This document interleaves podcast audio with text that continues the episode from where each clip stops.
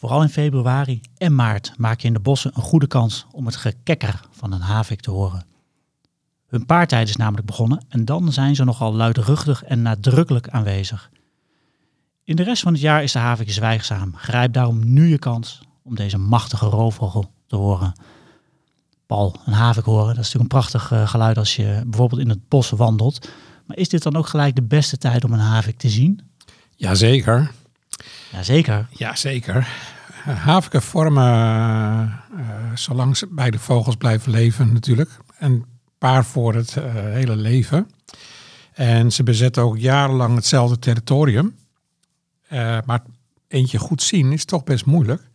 Maar juist nu, februari en maart, zijn de beste periodes om het te proberen. Want uh, nou, zoals je net al zei, uh, ze gaan nu uh, roepen om territorium uit te zetten. Dat hoor je al van een grote afstand. Dat is dat kekkeren. Dat is het kekkeren. En, maar wat dan spectaculair is, loop gauw uit het bos. Dat je een beetje overzicht hebt over de boomtoppen. Bijvoorbeeld een veld in de buurt. En scan dan met je verrekijker uh, de toppen, want ze maken opvallende balsvluchten boven het uh, gebied waar ze gaan broeden. En dat doen ze dan uh, op verschillende manieren. Allereerst is er een vlucht met hele trage vleugelslagen, maken ze grote cirkels over het gebied. En als je dan goed met de verrekijker kijkt, dan zie je vooral bij het mannetje een witte bol onder de staart hangen. Dat zijn ze onderstaartdekveren. En die zet hij helemaal op om te patsen.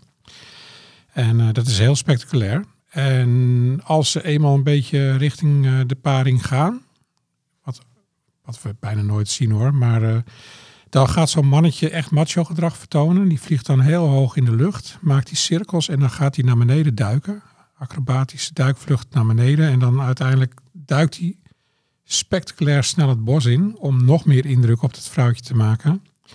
Ja, en dan vindt meestal paring plaats. Nou, wat een macho's eigenlijk, hè? Ja, het zijn echt gigantisch uh, stoere beesten. Ja, maar dit is dus de tijd om ze, ja, om ze te zien en te horen. Eerst horen, horen en dan, uh, dan zien, dat is echt uh, het credo. Nou, dan gaan we eens even naar buiten om te luisteren naar de havik.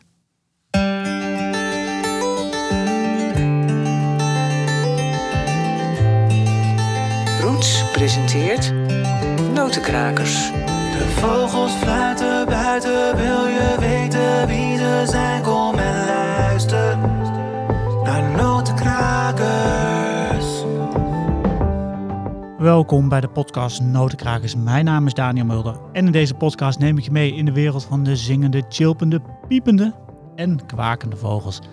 En jawel, en tijdens deze reis, je hoorde hem al even, is ook redacteur, route-redacteur Paul Beuren aanwezig. In camouflage shirt wederom. Je blijft het gewoon doen, hè?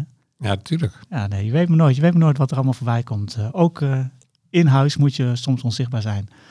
Um, nou, wat dom gelul eigenlijk weer dit. Uh, Haveke broeden vooral in, in bossen hè? en in de kleinere bosjes las ik op het machtige internet. Um, zie je ze dan niet gewoon in parken en steden? Nou, het is dus zo dat die havik heeft sinds de jaren 90, begin deze eeuw, een enorme opmars gemaakt richting het westen. Eerst broeden ze vooral in het midden en het oosten van het land. Maar je, ze bezetten steeds meer territoria in uh, duingebied, maar ook uh, bijvoorbeeld de veenweidegebieden in uh, Zuid-Holland en Noord-Holland. Wat in principe wat meer open stukken zijn. Maar daar broeden ze dus juist in die moerasbosjes ertussenin. Daar staan vaak bomen die heel geschikt zijn om een nest te maken. En ze jagen ook bijvoorbeeld op kleinere eenden. Nou ja, die zijn er natuurlijk, en, en, en duiven, die zijn daar overal op de akkers en in die moerasbossen aanwezig. Zelfs op de Waddeneilanden zie je ze steeds meer. Bijvoorbeeld op Texel, uh, vroeger heel zeldzaam, maar nu echt wel een paar broedparen, ook op Vlieland. En wat je nu dus ook ziet, is dat ze veel in buitengebieden, die, die jonge vogels in buitengebieden, zelfs in de kwelders, uh, jagen op eenden en konijnen. Uh, in de stad zelf zal je de havik nog niet echt veel zien. Dat is vooral de sperwer. Maar uh, rond de stad uh, zeker. Ik heb eigenlijk nog nooit een havik gezien. Is dat, een, is dat slecht? Ja, je moet gewoon best wel veel in het veld zijn om ze goed te zien. En je moet ook gewoon ja, de plekken weten. Dat is eigenlijk het geheim. Als je, zo'n zo'n havik is toch vrij territoriumgebonden. Ga je toch rond deze tijd naar een plek in het bos waar je van mensen hoort dat daar haviken zitten. Ga er gewoon heen, s ochtends vroeg vooral. En eh, je hoort ze en ziet ze dan. Nou, moet ik dat maar eens even gaan doen. Maar voor we verder gaan praten gaan, eh, over de havik, ga ik eerst even bellen met Timo Roeken. Hij werkt bij Vogelbescherming Nederland. Om eens even te horen wat er allemaal gebeurt in Vogelland Nederland. In Vogelvlucht. Timo, goeiedag. Goeiedag heren. Hoi Timo. Fijn dat jij weer aanschuift in onze maandelijkse podcast uh, Notenkrakers. En uh, we zijn dit keer vroeg gestart, want jij gaat uh, vanochtend naar buiten om, als ik het wel heb, de kortsnavelboomkruiper te zoeken. Mag ik dat eigenlijk hardop zeggen Ja. of is dat een groot geheim eigenlijk? Nee hoor, nee, dat mag je hardop zeggen. Die, eh, die vogel zit natuurlijk op bepaalde plekken in Nederland, alleen heel, heel erg weinig. Dus dan, eh excuus, dan heb ik het eh, geluk dat, eh, dat ze hier bij mij in de regio zit. Ja. Nou, dat eh, wordt vast een, mooie ochtend. Maar voor, voor jij naar buiten mag, mag je eerst nog even over vogels gaan, gaan praten in, in deze podcast. En ehm, ja, we, we nemen altijd even de stand door. Hè. Wat gebeurt er allemaal in Vogelland? En soms gebeurt er veel, soms gebeurt er wat minder. Ehm, Ja. Soms pakken we een vogelbelevenis eruit. Timo, ik begin bij jou. Heb je nog iets moois, moois beleefd op vogelgebied? Ja, zeker. Ik heb, de, ik heb twee, eigenlijk twee leuke dingen te vertellen. Dat is dat er zit hier eigenlijk al een tijdje bij mij hier in de buurt, eh, eh, in het Oost-Nederland, zit bij, rondom Dalfsen. Dalfsen is een dorp dat ligt eigenlijk net onder Zwolle. Dus eigenlijk, dat is eh, het gebied tussen Zwolle en Almelo. En daar zit een hop op dit moment. En een hop is natuurlijk een redelijk exotische vogel. Zo ziet hij er ook echt uit. Hè? Oranje, zwart en wit. En een enorme kuif. eh, als die die opzet. En die zit daar al een tijdje. En toen ik laatst een keer naar Zwolle moest, toen dacht ik, ja, dat ga ik toch wel even, dan ga ik toch even langs die hop. Nou, en die zat echt op een paar meter afstand gewoon naast de auto. Dat was echt genieten. En ik vind het al echt wonderbaarlijk, want zo'n hop heeft natuurlijk een hele lange, beetje wulpachtige snavel. Eh, die loopt ook wat naar beneden. Niet zo lang als een wulp natuurlijk, maar wel een beetje diezelfde vorm. En dan is het, ja, we zitten toch een beetje, ja, we zitten in januari. En als ik dan zie wat, wat zo'n hop dan allemaal uit die grond eh, weet te vissen qua echt enorme larven van, eh, van insecten. En kevers waarschijnlijk. Ja, ik vind het altijd wonderbaarlijk om te zien dat zo'n vogel toch hier in de winter dan voldoende voedsel vindt. is ook een teken aan de wand wellicht. Maar dat hij hier dan toch kan overleven zo'n lange tijd. Ja, nou, natuurlijk een spectaculaire verschijning om, om te zien, eh, zeker eh, in het winterlandschap Ja. van Dalsen. Mo- mooie soort natuurlijk. Maar ja, je zei dat je er twee had, dus ben ik ook wel benieuwd naar die andere. Is dat ook zo spectaculair? Ja, die andere is, ja, dat is toch wel een soort van grote liefde voor mij. Dat is het korhoen. Ah, En ik weet het, het, het is, eh, ik weet het, het zijn uitgezette vogels uit Zweden. En het is niet dezelfde, het is, nou ja, het is zelfs een andere ondersoort dan wij hier ooit hebben gehad. Maar ja, vanuit vroeger heb ik natuurlijk dat korhoen eh, redelijk eh, weg zien eh, gaan hier in het oosten van het land. En, maar toch heb ik een bepaalde voorliefde voor, de, ja, voor die vogel. Ik, dus ik ben naar de Stallense Heuvelrug gegaan en op 1 februari je hebt daar echt een heel goed pad om daar naar die walsende korhoenders te kijken. Die komen dan bij elkaar, die mannetjes. En dit keer zag ik de vijf bij elkaar met een, met een opgaande zon en roepende raven op de achtergrond. En er vlogen wat blauwe kieken vlogen over de hei. Eh, die, die mannetjes komen dan allemaal bij elkaar op een plek en dat noemen we een lek. En op, op, op dat lek, dat, dan gaan ze zeg maar dat ritueel met elkaar aan. Dat beginnen ze te balsen. Dat geluid hoorden we ook heel erg mooi. En toen ik daar dus stond naar die, eh, toen ik daar stond naar die luisterende of eh, te luisteren naar die korhoenders, toen vloog er ook nog een vrouwtje over. En dan zie je ook dat zo'n vrouwtje heeft. Ja, dat doet natuurlijk wel een beetje afbreuk aan je natuurervaring, maar er zit dan zo'n antenne op. als ik even mag inhaken, dus- Timo. Ja, zeker. Over, die, eh, over die antenne. Want ja, het korhoen, dat gaat natuurlijk niet zo heel erg goed, zag gezegd, eh, met het diertje. Door de jaren heen heb ik er af en Ja. toe ook over geschreven. En de aantallen namen eh, af en af en af. Hoeveel zijn er eigenlijk nog? Ik bedoel, is het meer dan een handvol? Of? Ja, die vraag kan ik eigenlijk niet beantwoorden. Dat, dat, dat, die informatie is volgens mij wordt ook niet publiekelijk gedeeld. Ehm, het enige wat we weten is dat er eigenlijk elk jaar weer nieuwe korhoenders worden uitgezet. Het probleem gewoon met die korhoenden is natuurlijk dat zij, vooral die jonge vogels, dus de overleving van die jonge vogels. Kijk, er worden natuurlijk ook volwassen vogels die, eh, die gaan dood. Ehm, eh, of door een havik, of misschien door een vos. Of ehm, gewoon door eh, ouderdom. Er rijden daar auto's over de Salse Heuvelrug. Ehm, maar die, de overleving van de juveniele vogels, en daar gaat het bij heel veel vogels gaat het op dit moment mis. Ja, die juveniele vogels, ondanks het feit dat ze op zo'n op de hei leven en die volwassen vogels heel veel zaden en zo eten, zijn die jonge vogels natuurlijk volledig afhankelijk van het eiwitrijke voedsel. En die hele grote insecten, bijvoorbeeld al die rupsen van die, van die grotere nachtvlindersoorten, ja, die zijn gewoon verdwenen door die, stik, door die te hoge stikstofdepositie. Mhm. Ook op die heide. Dus die heide is eh, qua landschap ook veranderd ten opzichte van, nou, zeg maar 20, 30 jaar geleden. En zeker 30 jaar geleden, toen de korhoen nog ontzettend nou, algemeen, ja, toen het gewoon nog een algemene soort was, ook in andere gebieden hier in het oosten van het land. Ja, dat is gewoon, die tijden zijn voorbij. En dat heeft gewoon te maken dat die stikstofdepositie dus van, de, van die extensieve landbouw rondom die Sanderse Heuvelrug, die is gewoon veel te intensief. Ja, en, en ehm, want ik heb ooit in, een- in een ver verleden zelf een keer een poging ondernomen om ook het korhoen, eh, om, om dat te horen in diezelfde periode die jij nu schetste. Toen was het Ja. eh, stil die ochtend. Het was wel een perfecte ochtend ervoor, belo- had de man van het IVN eh, mij beloofd. Maar helaas, je, Ja. dat, dat hoort er ook bij dat je het niet hoort. Maar ehm je hebt ze dus ook eh, eh, horen balsen en, en het, het hele, het hele pakket. Ja, het hele pakket, ja. Je staat daar dan te wachten en op een gegeven moment komen ze dan zo'n zo'n heuvelrug overvliegen. En het zijn natuurlijk best wel donkere vogels. Met zo'n, eh, ja, vooral die mannetjes natuurlijk. eh, die vrouwtjes zijn bruin. Eh, het zijn, die lijken wel een beetje op een fazant, maar die mannetjes zijn eigenlijk onmiskenbaar. En ze hebben van die hele mooie witte strepen, zeg, van die banen op die vleugels. En dat valt echt heel erg op als ze, als ze rondvliegen. En we hadden ook nog het geluk dat er net op het moment dat we afscheid aan het nemen waren weer van die korhoenders, dat er nog een persvogel overvloog. Dus toen was het, eh, toen was het feestje wel compleet. Kijk, dat zijn goede vogelbelevenissen, eh, Timo. Ik ben benieuwd, Paul, of jij... eh, ah, heb jij er nog wat tegen in je- te brengen je- tegen dit geweld? Ik ga je niet overheen. Hier eh, ga je niet overheen, hè? Heb jij een mooie Dat is geen wedstrijd, hè? Nee, zeker niet. Maar heb, heb je nog iets leuks gezien, Ik Paul? mag, of zeg je van... ik, ik mag nou, ook weer niet klagen hoor. Nee, zeker niet. Er waren van de week bij ons twee dwerghorsjes gezien bij Petten. Is niet zo ver bij mij vandaan. En toen had ik het geluk dat ze vlak voor mijn voeten over de grond aan het kruipen waren. Het zijn eh, een beetje kleiner, kleiner dan een, dan een rietgors. Roodbruine waantjes en een hele mooie witte oogring.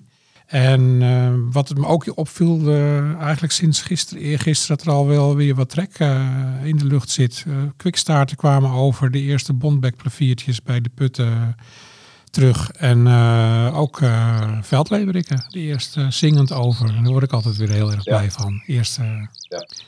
Zingende zang, eh, veldleverikken. Dus eh, het voorjaar komt er weer aan. Het wordt van de week 16 graden, dus eh, het gaat beginnen. Gaat Of beginnen. Het is begonnen, gaat weer los. zeggen. Gaat weer los, ja. Ja. Dat, dat, is goed, dat is goed nieuws. Ja, wat, wat we ook altijd even in deze podcast... eh, of, wa- was dat het trouwens? Ik ga maar zo door eh, in de Ja, vader ja, zeker. Ja, We moeten snel door, hè. Nou, Dat gaat hoor, die, eh die. Het is wel echt een hele goede soort. Die, eh, ja, de kans aan de kust is gewoon veel groter natuurlijk. Maar dat is echt wel een soort om jaloers op te zijn. Nou ja, en ik weet je, dan heb je ook weer, eh, dan fiets je daarheen, dan heb je ze gewoon. En daarna ben ik twee dagen daar nog uren geweest en geen één keer. En dan ben je, loop je net even een bosje naar achter en dan heeft iemand hem gewoon prachtig vrij zittend op de foto. En je mist hem gewoon weer, dus eh, het is geen garantie. Ja, maar dat is het mooie zeggen. volgens mij van eh, vogels kijken en natuur in het algemeen. Als je gaat zoeken, dan vind je het niet. En Nee. het toeval speelt er nog steeds een rol. Huilend terug naar huis gefietst. Ja, snap ik, snap ik. nou ja, maar dat, eh, je bent een grote jongen, jongen, Paul. Vogelleven is af keihard. Zeker. Dat het keihard is, dat bewijst ook wel een nieuwsbericht wat voorbij kwam bij Nature Today. Dat gaat over onkruidbestrijdingsmiddelen en die jonge haviken bedreigen. Eh, Timo, we hadden het al even kort over net voordat we de podcast eh, opnemen. Jij weet hier eh, meer over. Want er is onderzoek gedaan door de werkgroep Roofvogels Nederland en CLM Onderzoek en Advies. En die hebben we onder meer uitgevogeld dat dat onkruidbestrijdingsmiddel jonge havingen de vliegveren aantast, dat die verliezen en daardoor die jonge havingen sterven. Kun je daar iets meer over vertellen? Ja, dat staat ook heel duidelijk in het onderzoek hè, dat er nog wel meer onderzoek nodig is om echt, eh, om echt hele harde conclusies te trekken. Maar de, de, de voortekenen zijn inderdaad niet goed. En je komt weer, en dat is echt, kan er ongelooflijk boos van worden, dat we weer in dezelfde discussie terechtkomen als in de jaren tachtig. Dat we blijven gewoon strooien met gif op allerlei plekken, omdat we denken dat, dat, dat we controle op de een of andere manier moeten uitoefenen op de natuurlijke wereld om ons heen. En dat gif, dat, dat heeft natuurlijk gewoon een, een werking in zo'n ecosysteem. Dus we, we zien nu, en, schijnbaar hebben we de lessen niet geleerd, hè, want zo'n havik is zo goed als verdwenen in het verleden uit het Nederlands landschap. Juist door eh, het gebruik van, de, van pesticiden. En nu komen we gewoon weer in het volgende hoofdstuk, waardoor je ziet dat het gebruik van het volgende, van de weer een nieuw soort gif, of de opsta opstapeling van een bestaand gif, dat het ook gewoon weer zijn impact heeft. Hè? Want inderdaad, wat jij net zegt, Daniel, is dat die, die veren van die, eh, vooral die handpennen van die haviken, die, ja, die laten gewoon los. En ook zelfs het dons op die vogels laat los. Waardoor die vogels gewoon, ja, de jonge haviken hebben geen enkele kans met op, op, op overleving. Ik kan er echt woest van worden dat we nu weer hier zijn aanbeland, terwijl die havik, weet je, in het oosten van het land doet hij het dan wat minder, maar in heel veel plekken van het land doet hij het best wel aardig. En ook in de, er komt natuurlijk ook nu steeds vaker, uh, ook bij, als je bij de Oostvaardersplassen loopt en de polder uh, zie je hem vliegen, dat was vroeger ook ondenkbaar. Dus zo'n soort heeft gewoon ontzettend goede tijd gehad hier in Nederland. En nu komen we weer opnieuw aan op het punt dat we denken, ja, maar dit wisten we toch mensen. Kom op zeg. Ja, Nee, helemaal mee eens. En uh, nou ja, goed, het is uh, toch wel belangrijk om het even aan te stippen en mensen er weer bewust van te maken. Dus uh, ja, het is, een, het is een droevig verhaal en nou, we wachten het vervolgonderzoek af. En ondertussen wees wijs met onkruidbestrijdingsmiddelen zou ik zeggen. Gebruik het liever niet als het niet nodig is. Dat, dat sowieso. Nee. Ja, we hebben het in, over de havik, daar hebben we het al over in dit onderzoek, maar ook natuurlijk de havik is ook gewoon een prachtige vogel om naar te kijken, Timo. Hoe zit het bij jou in, in het oosten van het land? Is het de havik daar schering en inslag? Want we hadden het net over in de aanloop naar de podcast dat het nog niet zo makkelijk is om er een, om er een te zien. Um, is dat in het oosten makkelijker of ook nog niet zo? Ja, dat, was, ja, dat, dat is het van oorsprong natuurlijk altijd wel geweest. Omdat de biotoop hier gewoon wat beter aansluit, oude bos. Goed, inmiddels is het in meerdere plekken. Hè. Ons, ons bosbeheer is natuurlijk zodanig veranderd in Nederland dat er nu op meerdere plekken in Nederland oude bos uh, ontstaat. Um, ik denk nog steeds wel dat het hier makkelijker is uh, dan uh, op heel veel andere plekken, zeker in het noorden van het land. Maar ja, wat, je net zegt, wat je net zegt, Daniel, zie er maar eens één. Dat is een beetje de kunst. In de, in de balsperiode, als we met z'n tweeën echt mooie vluchten met elkaar gaan maken, dan is het wel goed te doen. en ook als je echt een lange tijd bijvoorbeeld staat te trektellen, uh, op, of, of een lange tijd stilstaat in een natuurgebied, dan, dan heb je ook wel meer kans. Maar gewoon even het bos ingaan en een havik vinden, ja, dat kan me niet heugen dat dat mij ooit is gelukt. Maar het is dus niet zo dat je, in, als je in het bos dat, hè, dat gekekken hoort, waar we net aan het begin uh, over hadden, als je dat hoort en je gaat op dat geluid af, als dat al mogelijk is, dat weet ik eigenlijk niet, dat je hem gewoon in het bos ziet. Want je hebt het erover dat je eigenlijk weer dat bos uit moet om die vluchten te zien. Je ja, kunt in het bos gewoon niet, niet, punt is, uh, niet ze hebben zulke krankzinnig scherpe ogen dat ze zien jou van een enorme afstand aankomen en dan vliegen ze laag over de grond weg. En dan, dan hoor je ze weer ergens anders kekkeren. En dan kan je daar weer heel gaan lopen of fietsen. Ze maken je gek. Het is echt heel moeilijk. Het beste kan je gewoon even de vlakte opzoeken en uh, met een verrekijker uh, gewoon de, de, de, de boomtoppen scannen en dan is dat geluid, dat, ge, dat gekikker... Oh, oh, sorry Timo, wat wil jij nog zeggen? Ja, ik vroeg me af of jullie het... Uh, jullie hebben hiervoor natuurlijk ook al een innoverend gesprek met elkaar gehad. Maar hebben jullie, toen ook, uh, hebben jullie het ook al gehad over de verschillen tussen havik en sperwer? Dat hebben wij het nog, nog niet over gehad. Het staat nog wel op de planning om, om dat te doen. Dus...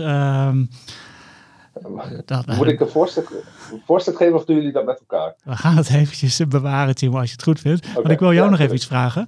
Um, ja. uh, want het gaat natuurlijk ook, om, ook voor een deel over het geluid uh, van de havik, dat gekekker.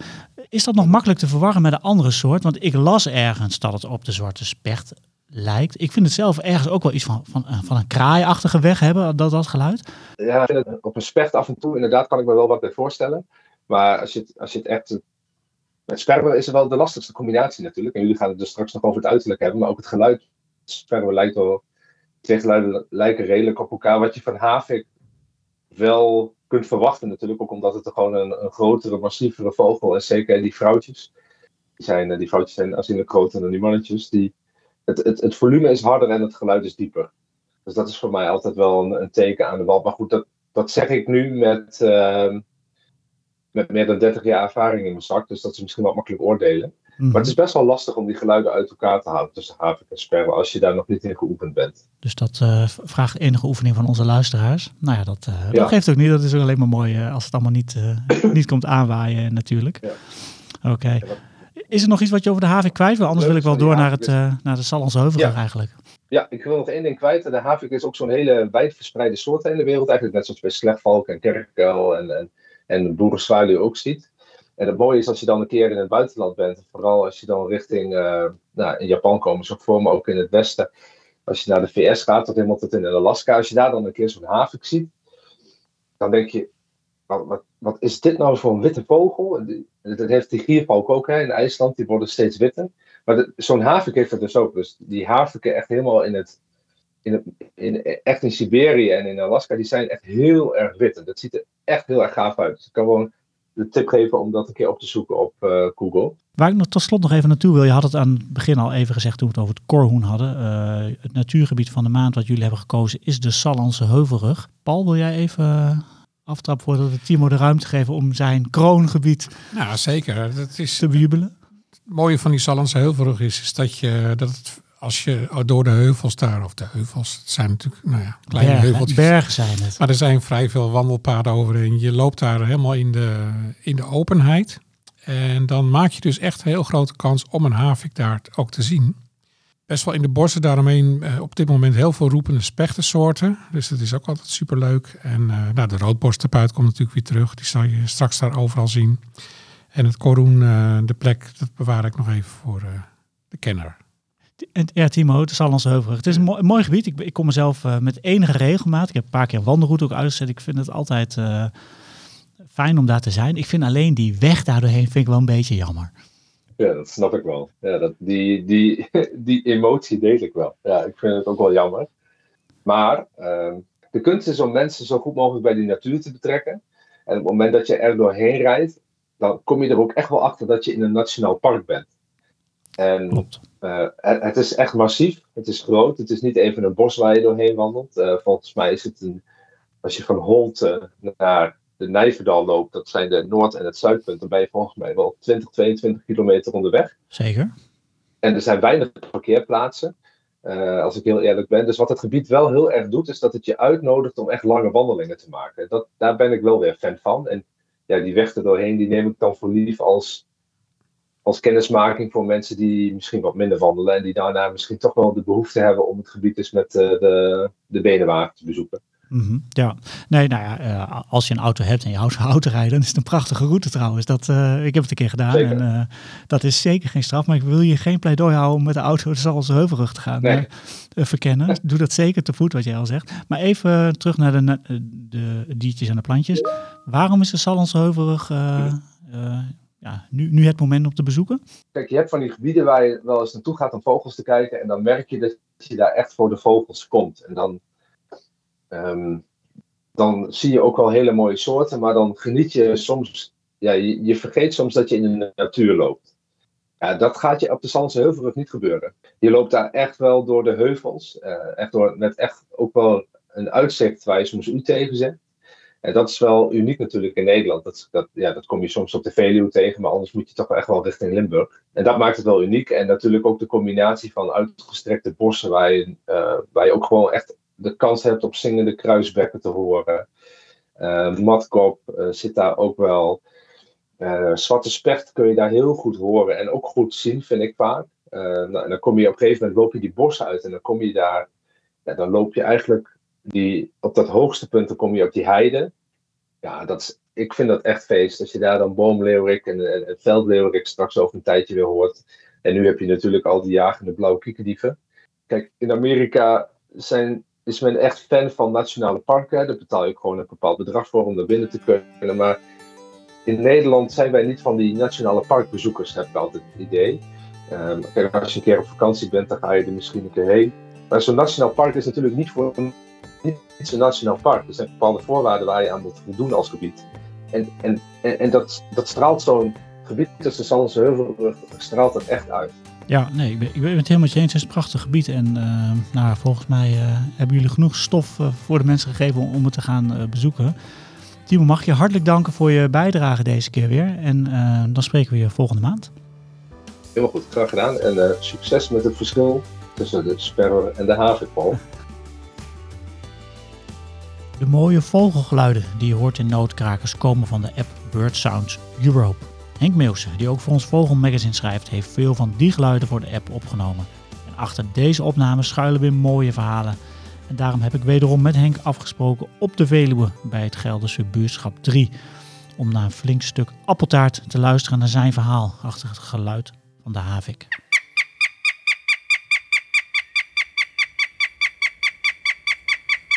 Henk, wat hoor je hier allemaal? Ja, een beetje een mysterie. Ik vind de havik is een beetje een mysterieuze vogel.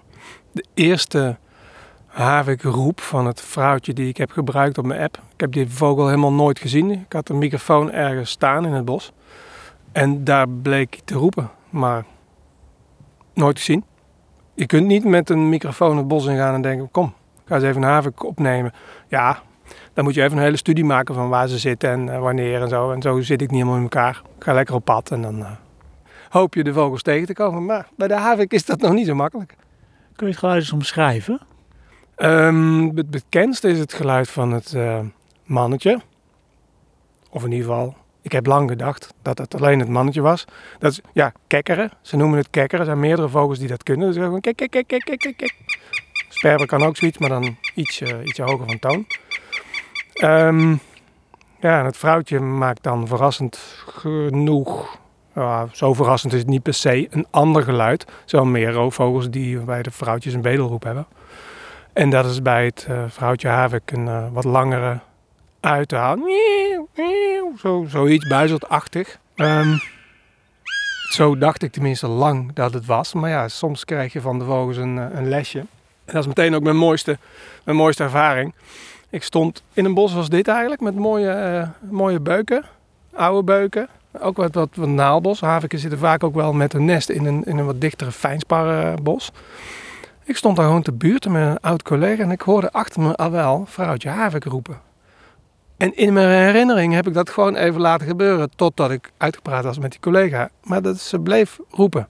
Dus ik eh, verscholen een beetje tussen de bomen, pad opgelopen, een beetje, hè, een beetje mezelf gedekt gehouden. Zij riep, ze bleef roepen, mooie opname geworden, zit in de app. En ineens vloog ze weg, vloog ze op. Al roepend. En ze ging in een, eh, in een beuk zitten. Nou, of misschien een paar wat lage takken. Ehm 30 meter voor me. En ze bleef, bleef gewoon zitten. Nou, het was echt... eh, En dan, het verrassende was... Eerst de bedelroep, een paar keer. En daarna ging ze over op het kekkeren. Toen dacht ik, hè? Eh, maar dat was toch... Hè? Het is toch makkelijk als we mannetjes en vrouwtjes kunnen scheiden. Toen dacht ik, oh, het vrouwtje doet dat dus ook. Als die man maar niet gaat bedelen. Maar ja, echte vent die bedelt niet, hè. Nou, dat zijn jouw woorden, Henk. maar waar, waar, ik, waar ik zo benieuwd naar ben... ook geen echte vent, hoor. Oké. Waar ik nou benieuwd naar ben, is als jij dan die havik ziet zitten, hè, dan, jij bent die geluiden aan het opnemen. Denk je dan ook wel eens even van, ik pak mijn verrekijker en ga die vogels even lekker bestuderen. Nou, de grap is dat ik soms als ik opnames ga maken niet eens een verrekijker bij me heb. Toen had ik volgens mij wel een verrekijker bij me. Het eerste wat ik doe is gewoon ja, de, de microfoon lang gericht houden. Zeker als je 30 meter voor je een havik zit zitten in een boom.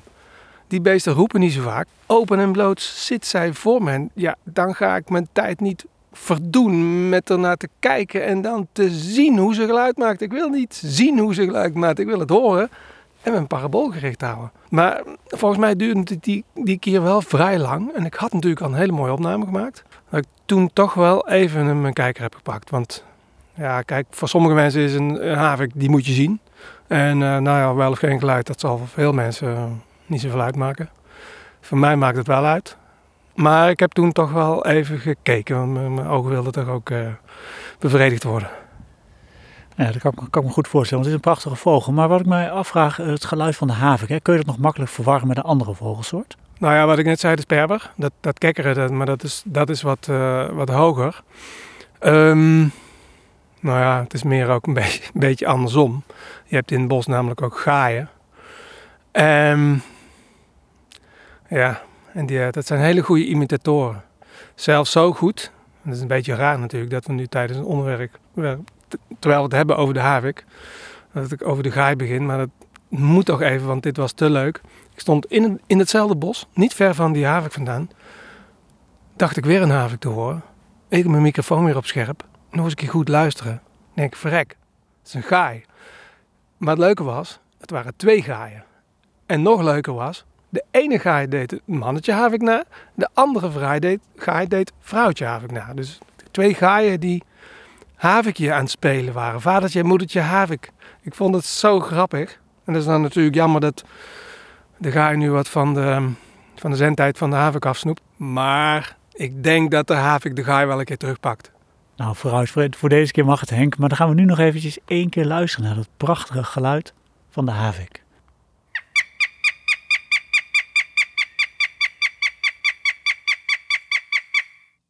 Je luisterde naar Henk Meeuwsen. En Henk is dus de man achter de app Bird Sounds Europe.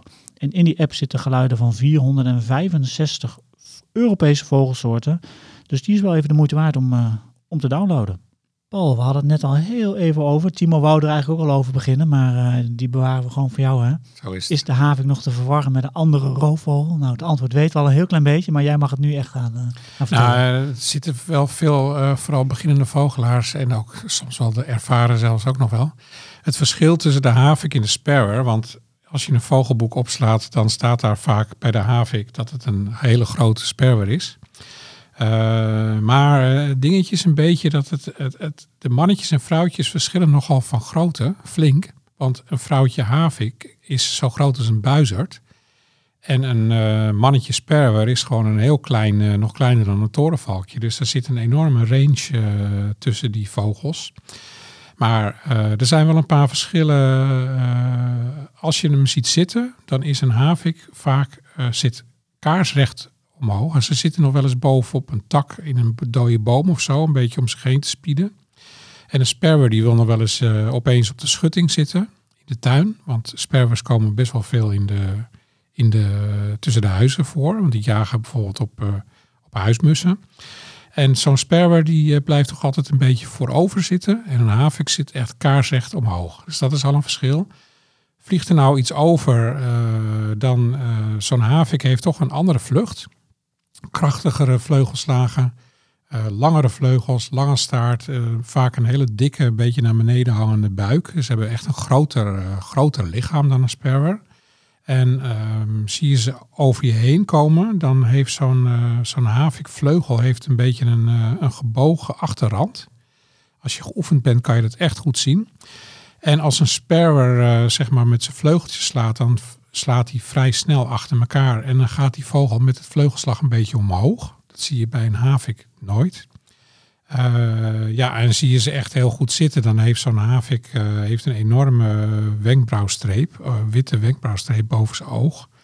En ja, gewoon echt een, een meer een een stevigere, veel stevigere roofvogel dan zo'n sparrow.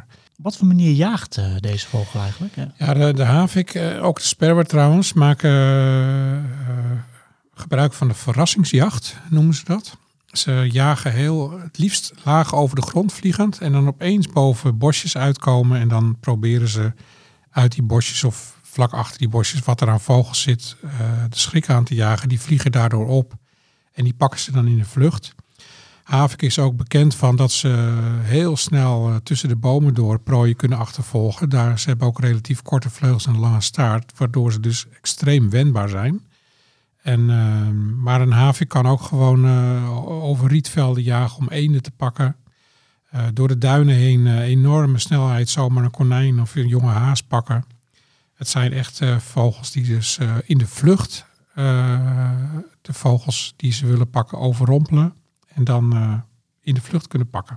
Ja, en dan eten ze dus met name vogels, konijnen.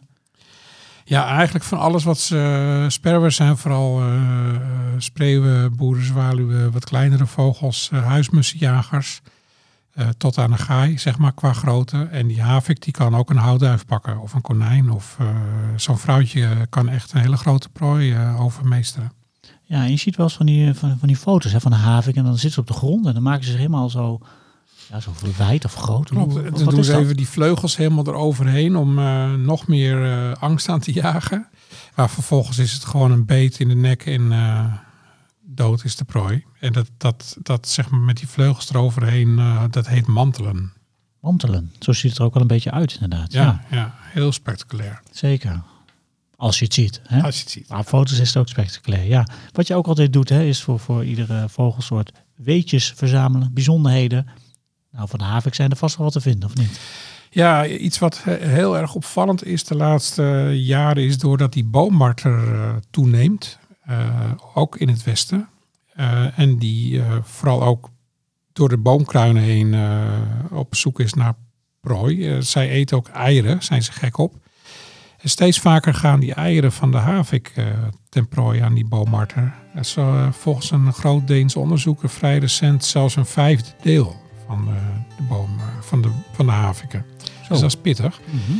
Nou, verder, eh, wat, wat ook een kenmerk is van een volwassen havik, is dat ze, ze hebben oranje, oranje oog. Vooral bij de mannetjes worden die, wordt het oranje steeds roder naarmate ze ouder worden. Dat is een ja, heel opvallend kenmerk.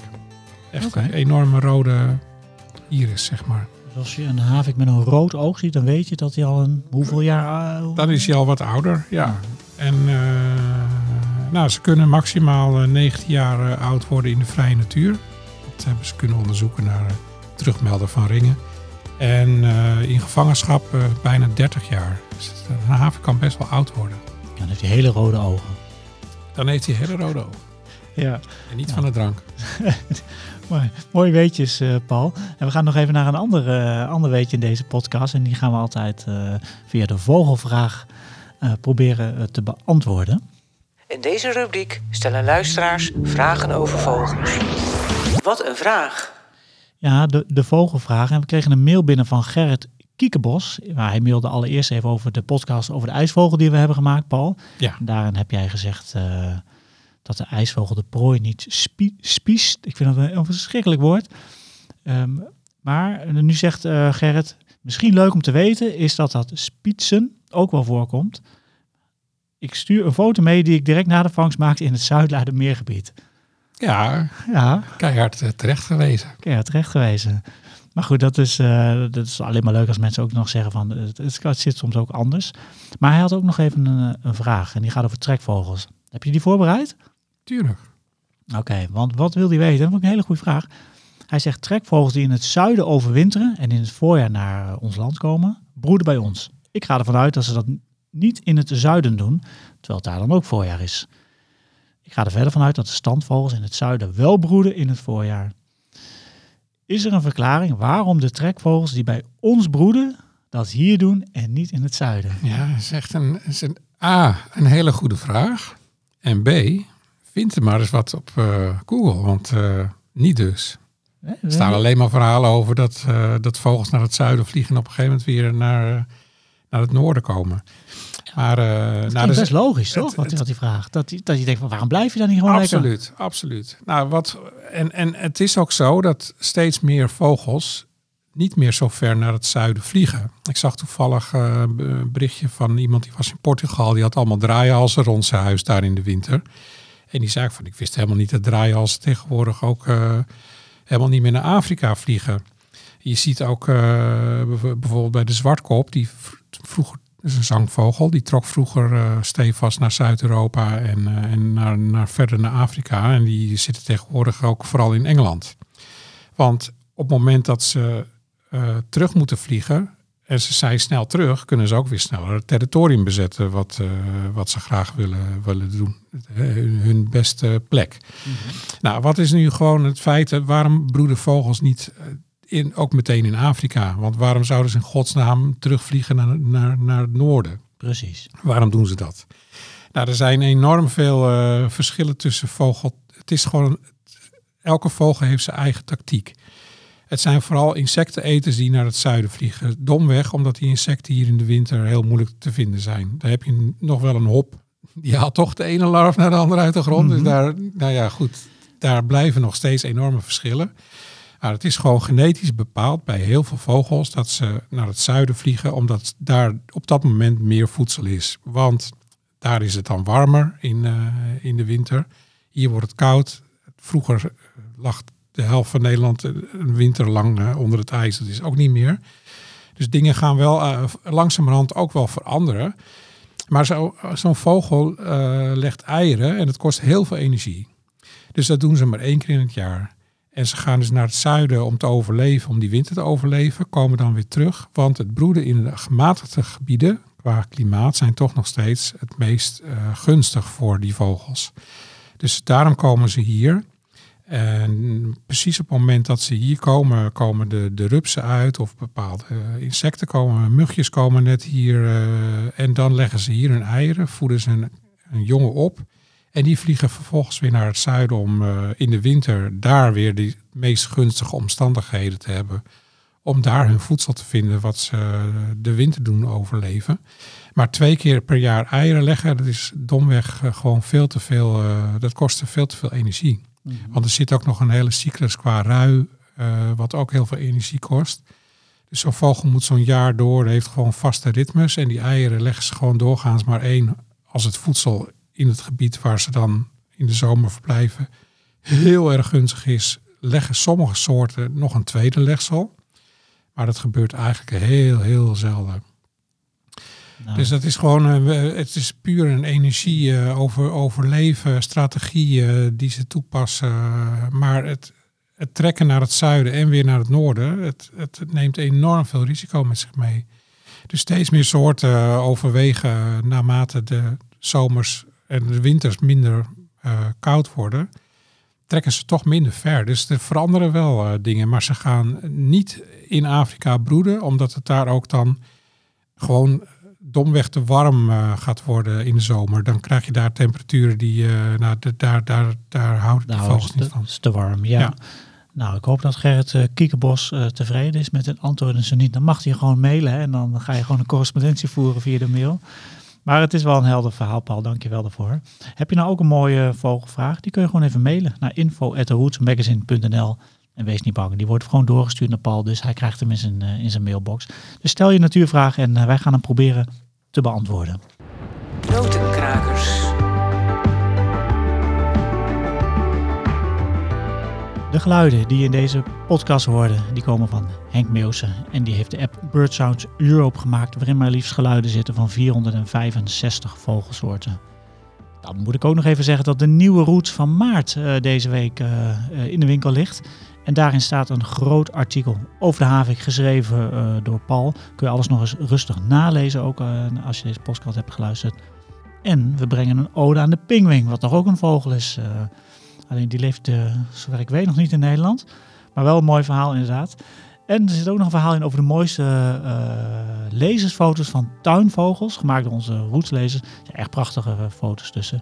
Dus eh, ja, nieuwe routes van maart is volgens mij wel de moeite waard, toch Paul? Zekers. Ja, heb jij ook nog wat gedaan? Of, Nou, ik ben bezig met de laatste puntjes te zetten op de i's in de nieuwe Vogelmagazine van het Oh, komend ja. voorjaar. Die gaat volgende week naar de drukkert. En daarin, ja, in maart komt hij natuurlijk weer uit. En dan hebben we het over eh, bijeters. Eh, vogel die eh, toeneemt als broedvogel in Nederland en waarom. En de nieuwste zomermode bij vogels is ook leuk. Vind ik wel een verrassend onderwerp. Net als hele verrassende vogelplekken in Limburg. Waar je extreem mooie soorten kan zien.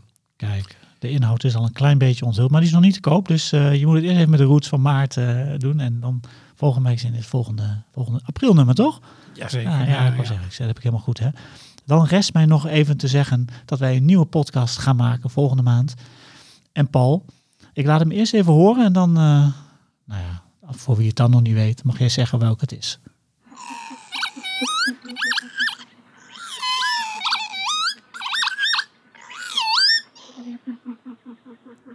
Is stoer zeg. Je hoort hem van links naar rechts vliegen. Mooi hè? Kikker. Ja, dat is de kieviet natuurlijk hè. En het Kieviet. wordt van de week warmer. Dus eh, wie weet horen we hem alweer. Eigenlijk wel bizar dat we de kiwi nog nooit hebben behandeld. Ja, Toch? op en top Nederlandse vogel. Onze hoofdredacteur vond dat ook, dus vandaar ook dat een, een, reden dat de kieviet eh, erin zit. Maar het is ook een prachtige vogel en een mooie geluiden ook. Dus eh, een podcast waard lijkt mij. Leuk dat je luisterde naar Noodkrakers. En let op als je buiten bent. En let op of je dit geluid hoort. En wie weet ga je dan ook de havik nog wel zien.